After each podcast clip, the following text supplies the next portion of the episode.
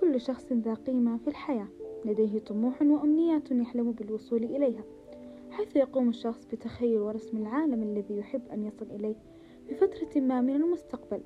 فمن منا لا يريد تغيير عدة أشياء من حوله للأفضل؟ من منا لا يحلم بالوصول لمستوى أعلى مما هو عليه؟ ومن لا يريد التقدم وشغل مناصب أعلى في وظيفته؟ ومن منا لا يريد إقامة مشروع خاص به؟ وكم من طالب يريد أن يحصل على مجموع معين لكي يستطيع دخول الكلية التي لطالما حلم بها منذ صغره.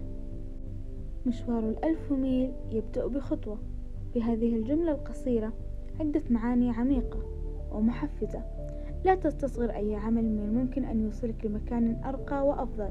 تحدى صعاب طريقك إلى مستقبلك. مستقبلك الذي تريده.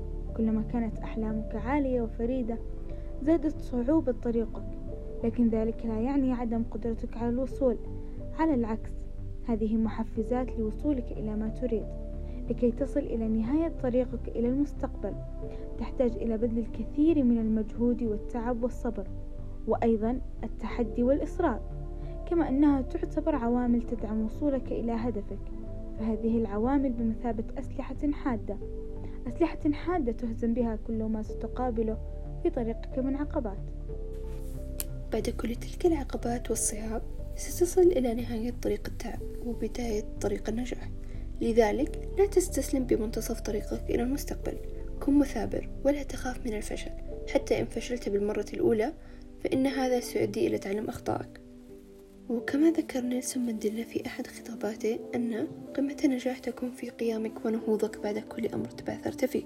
فكونك لم تخطئ في بداياتك شيء شبه مستحيل ولكن هذه الأخطاء تجعلك أقوى وأكثر وعيا. وكونك أصبحت في طريق نجاحك وأحسست كيف يكون شعور النجاح لن تتركه وسوف تحاول أكثر وتبدأ أكثر لدرجة الإبداع المجنون. ولكن كل هذا فقط لكي تشعر بهذا الشعور الرائع والمبهر مرة أخرى فهذا الشعور يستحق أن يجرب مرة على الأقل في حياة المرء. تمنياتنا لكم بطريق مليء بالنجاحات والإبداعات. شكرا لإستماعكم. دمتم بخير.